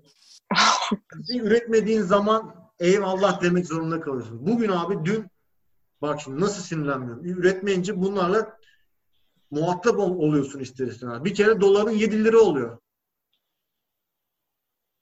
Doların 7 lira oldu ben Müslüman'ım enstrüman alacağım. Onunla kalıyor mu? Kalmıyor. Dünyanın 7 katına gitar satın alıyorum. Üstüne bir de devlet %30 vergi patlattı bu dün. Oo. Evet yeni vergiler geldi. Bizde kaç tane lüthiyer var diye son enstrüman yapan? Bir elin parmağını geçmez. Biz niye abi enstrüman üretemiyoruz mesela? Ben niye niye abi dünyadaki dünyada bir adam aynı gitarı kendi ekonomisinde benim paramla konuşuyorum. 200 liraya alacağı gitarı tamam mı? Ben neden abi 2000 liraya 10 katını alıyorum ya? Ve ben bu adamla nasıl aynı şartlarda yarışacağım? Teknik anlamda sadece gitardan bahsetmiyorum. Bir mikrofon, işte bir ses kartı, enstrümanların hepsi an itibariyle yurt dışında şu anda yaklaşık 10 katına bizde Türkiye'de biz ulaşabiliyoruz. Buna nasıl nasıl gücünüz yetebilir? Bunun sebebi tamam her şey kötü, kötü yönetildik. Ondan sonracığıma işte vergiler yüklediler. Şöyle oldu, böyle oldu. Falan oldu, filan oldu. Tamam. İnanılmaz şeyler bunlar ama oldu. Bunu değiştirmek için ilk önce ne yapardım biliyor musun? Bunlarla uğraşmak yerine tek bir fabrikaya enstrüman yapıp atölyesi kurardım ben. Devlet olsam ben tamam mı? Bir gün bir şeyleri değiştirme üzerine konuşuyoruz ya. Mesela diyor mu tarımla oynardım. Tarım tarım üzerine çalışırdım. Giderdim abi. Enstrüman fabrikası kurardım ya. Bir alan ya. Konya'da boş bir arazi ya abi. Götürürdüm. Üç tane dünyadan iyi yetişmiş lütfen getirirdim. Altı ay buradaki ustalara kurs verdirirdim. Piyanomu da yapardım kendim. Gitarımı da yapardım. Ne lazımsa ya. Elektronik müzik aletleri. Hepsi yapılabilir. Bizde mühendis mi yok ya? Olmaz mı ya böyle dolu yani. Çok zeki, Bunların parlak gençler de var. Bizde, bizde neler var ya ses mühendisi olmaya çalışan bir sürü adam gelip konserlere gelip abi burada başladım, burada başladım. Şu bölümü bıraktım ses mühendisi olacağım. E, bu adamların demek ki hedefleri var ve bunun için çaba göstermeye razılar. Bunlara yol açardım abi. Üretmek bir şekilde bir şeyler üreten somut anlamda ortaya bir şeyler bak ne kadar iyi ya da kötü olduğunu konuşmuyorum. Çünkü bir kere yaparsın kötü olur. Bir daha yaparsın biraz daha iyi olur. Bir daha yaparsın iyi olur. Bir daha yaparsın ama son yapışında en iyisini yapma ihtimalin hep var ya. Bizde mesela mizah dergisi sayısı 3 tane kaldı. Ondan sonra edebiyat dergisi desen yok. Yazar diye ustalıklı bir yazar arıyorum. Taş çatlasın 3 tane 5 tane oldu bugün yaşayan. Ya kötümser konuşmak istemiyorum ama biz hakikaten bir şey üretme üzerine potansiyel olan bir sürü adamın bu biraz önceki umutsuzluğumuz, kırgınlığımız ve bir garip benim de taşıdığım utanma hali bu. Neyse bu. Giydirmişler. Bende var. Benim gibi büyük ihtimalle bir sürü adamda da vardır benim kuşağımda. Bu içinden geleni söyleme konusundaki sizinle şimdi konuşuyorum ama şey hani burada şey yok ya bir, burada bir pazar yok ya şu anda. O yüzden rahat konuşuyorum. Bir pazarın önünde böyle böyle konuşmayı tercih etmiyorum. Yapamıyorum ben.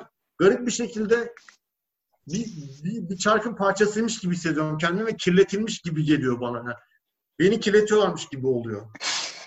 Anladın mı? Böyle bir şeyin malzeme oluyormuşum gibi oluyor. Öyle olsun, öyle öyle olduğu zaman oraya katkı sağlıyormuşum gibi oluyor ve ondan hoşlanmıyorum.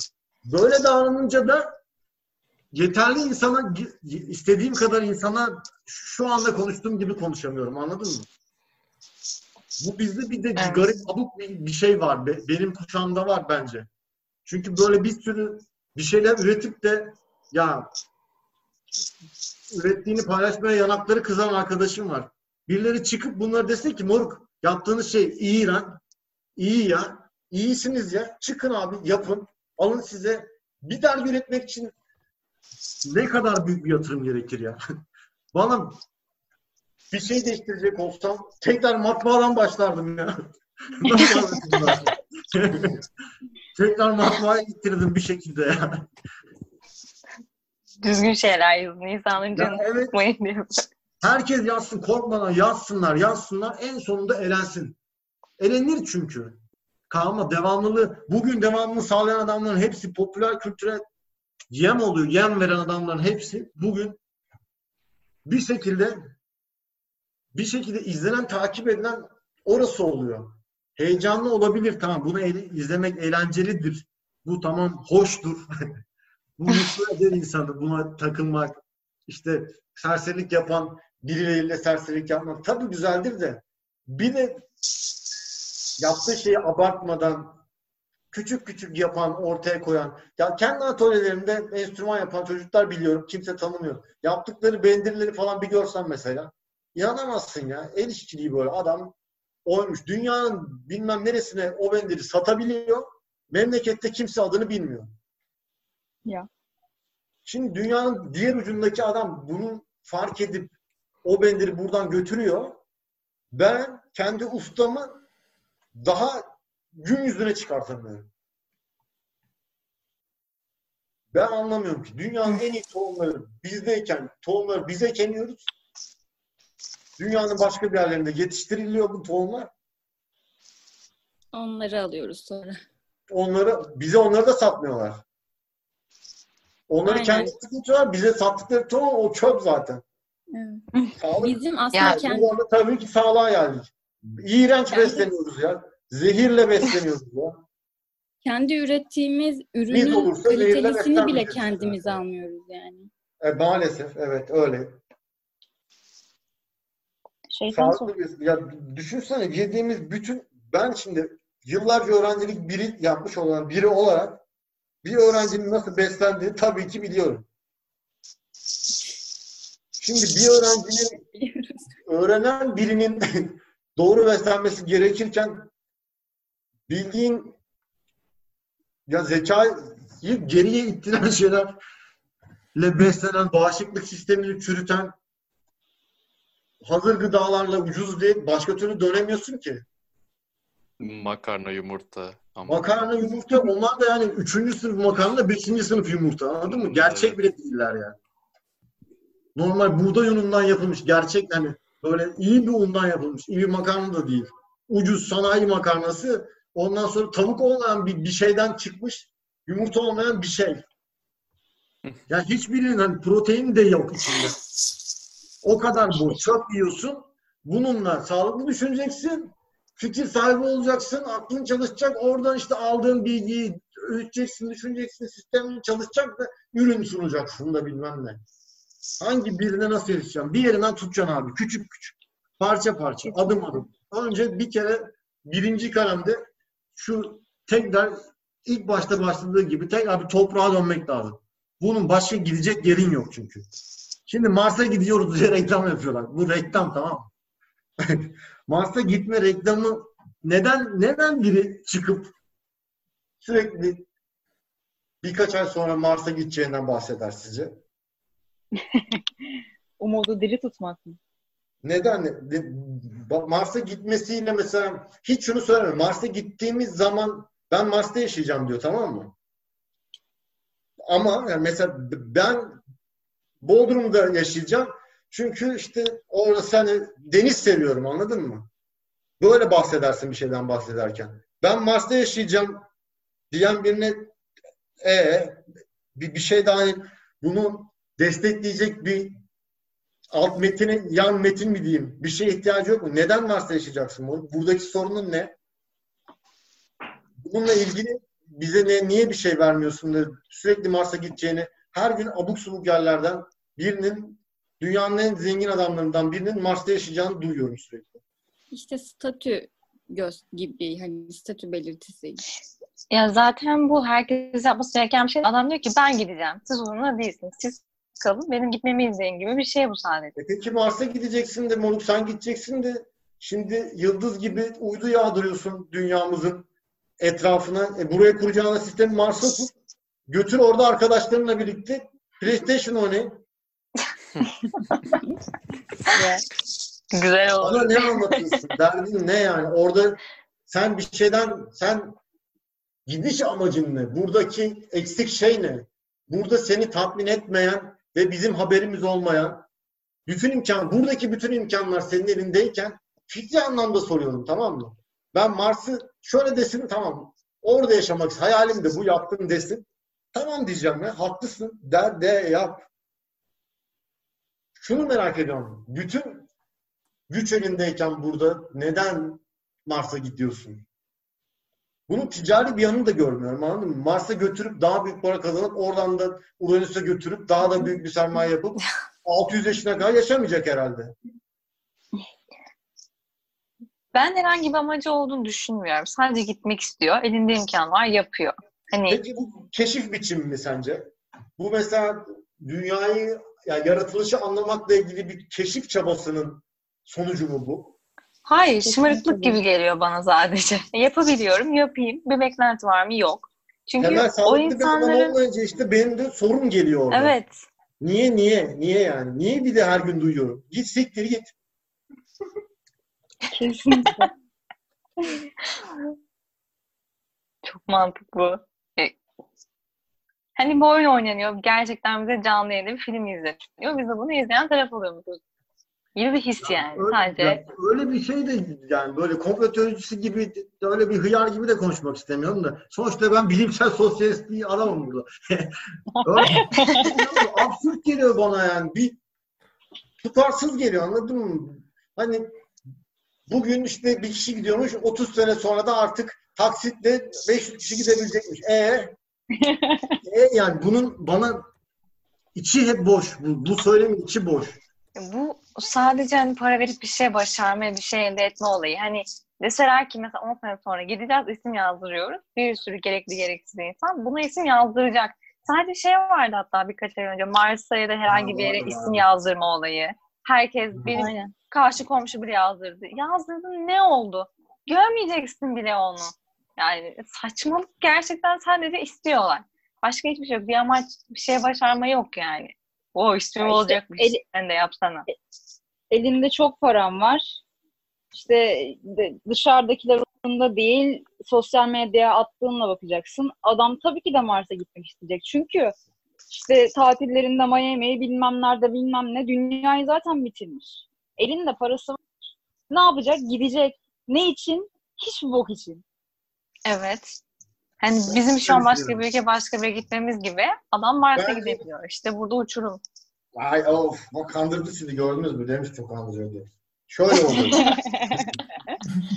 adam bunun Mars'a gitmesi onun bizi kandırıyor anlamına hani son, direkt bizi kandırması anlamına gelmiyor. Şöyle çalışıyor. O Mars'a gittiği zaman tamam mı? Biz dünyalılar kafayı kaldırıp ona bakıyoruz tamam mı? Biz sürekli ona baktığımız zaman dünyada olanları kaçırır hale geliyoruz. Yani kendi gerçekliğimizden adamın Mars'a gidişi bizi hep uzaklaştırıyor. O gittiği zaman biz de gideceğiz ya bir şekilde. Ya. Önümüzü görmekten vazgeçiyoruz tamam mı? Sanki yani... bizi de alıp götürecek ve buradaki hiçbir şeyin önemi kalmayacakmış gibi. Ama aslında o değil. Yine aynı şey oluyor. Tekrar o rüya bittiği zaman, bu bombalama bittiği zaman medyadan tamam o gitti ya. Gittiği anda bize ne olacak? ne olacak oğlum bize? Yine paket açıldı boş. Bize etkilemiyor ki bunlar. Biz hiçbir şekilde onu etkilenmeyeceğiz ki. Çünkü etkisiz gibi bir şey sen sadece. İzleyiciyiz işte burada. Biz yani bu bomboş işler. Işte. Bir gün krediyle bizi de götürürler işte 12 taksitle ya. Ya buna inananları da hiç anlamıyorum zaten. Yani biz de gidecekmişiz. Ya sen burada minibüse binip gidiyorsun. Ha, kimseyi küçük düşünmek istemiyorum da gerçek değil, maddi durum hiçbir şey senin aynı değil. Sen nereye bu hayali Sinop'a gittin mi diye bir sorsana ya. Mars'a gidiyormuştu buradaki daha. Bütün Türkiye'ye daha. Dünyanın kaç ülkesini gördüm. Ma Mars'ın kendi... aslanın. Ama hepsi de böyle çalışıyor. Sana biri Mars'a gideceğiz dediği zaman lan ben dünyayı görmedim diye düşünmüyorsun. Ben de Mars'a gideceğim diye düşünüyorsun. Kesinlikle. Ya ben hiç Abi... öyle düşünmüyorum. Ben mi çok gerçekçiyim acaba? Biz niye dünyayı görmedik? Hiç bunu düşünmüyoruz mesela. Ama Mars'a gideceğimizi sürekli düşünüyoruz. Bize niye kimse demiyor ki her gün televizyon? Lan bugün de şurayı görseniz diye olmaz mıydı diye bir Bursa'ya niye gitmediniz diye bir sorsa biri bir günde bize. Gittim Muş'a gittim mi diye niye hiç kimse sormuyor bize abi. Bizi niye hep Mars'a gidecekler, nereye gidecekler ne bahsediyor. ben niye İspanya'ya daha gitmedim ya? Ben 35 yaşındayım. Dünyanın hiçbir yerini görmedim ya. Ben de. Ne ne? Hüzünlü müzik alabiliyor muyuz şu an? Hüzünlü hüzünlü. Kalbimiz kırıldı değil mi? Yağmur böyle Yağmur efekti var şu an. Duygusal. Murat Çekili gibi Yani biz abi gerçekten kaç programdır Spotify'a başlarken abi şeydi bizim kategori seçmemiz gerekiyordu ve toplum ve kültürü en yakın bulduğumuz için seçtik. Ama açık konuşmak gerekirse bugün o kadar bu kavramın hakkını verdin ki bize teşekkür ederiz yani ben çok mutlu oldum. Bunu şu an söylemek istedim yani. sürçürdüysem, Evet, ettiysem Estağfurullah. Abi estağfurullah. Ne oldu? Biz zaten normal normal podcastlerde hepimiz böyle bıdı bıdı bıdı bıdı bıdı bıdı böyle herkes bir yerden konuşuyor. Şu an sadece şey böyle film izler gibi seni dinledik. Hani hepimizin böyle zihinler bir arşa çıktı geldi. WhatsApp'ta aramızda konuşuyoruz hayran hayran şu an yani düşün. Aynen aynen aynen. Ben zaten de seninle- bazen şey oluyor o açıdan kusura bakma. Bak, her şey birbirine giriyor bazen. Toplayamıyorum çok dağılıyor. Bazen yakaladığım zaman iyi oluyor da yakalayamadığım zaman da çok dağılıyormuş gibi oluyor. O yüzden kusura bakmayın. Yok Estağfurullah biz Aa, çok keyif evet. aldık. Efsane oldu. Biz çok keyif aldık. Çok güzel. Evet, oldu. hatta çok daha iyi oldu bence. Gerçekten böyle bir Aynen. masadaymış, beraber içiyormuş, konuşuyormuşuz gibi hissettim. Çok çok daha güzel oldu. Evet. Evet, zihnimiz açıldı yani. Hepim, hepimize düşünecek bir şeyler verdin. Şahane oldu. Duvara bakıp bugün yatmadan Mars'a gidebilir miyim acaba? Tercih etmiyoruz. Yani umarız bu günler geçer. İnşallah bir gün konserinde de buluşuruz. Evden çıkamıyoruz. İnşallah. Beklerim. Geçer geçer. Hepsi geçer. Evet, Hepsi evet. geçer. Yeniden başlar. Bu geçer. Başkası gelir. Hep böyle oluyor. Yani, Aynen öyle. Bir daha başlayacağız. Çok eğlendim. İyi ki varsınız. Hepinize çok teşekkür İyi ki ediyorum. geldin abi. Biz çok teşekkür Size çok ederiz. teşekkür İyi ederiz geldin abi. geldiğiniz için. Hepinizi öpüyorum. Bir daha gel. Tamam anlaştık. Ne zaman isterseniz buradayım. Alkollü şöyle. abicim. Aynen. Aa. Güzel bir sofrada. Tamamdır. O zaman müsaadenizle kaçıyorum ben.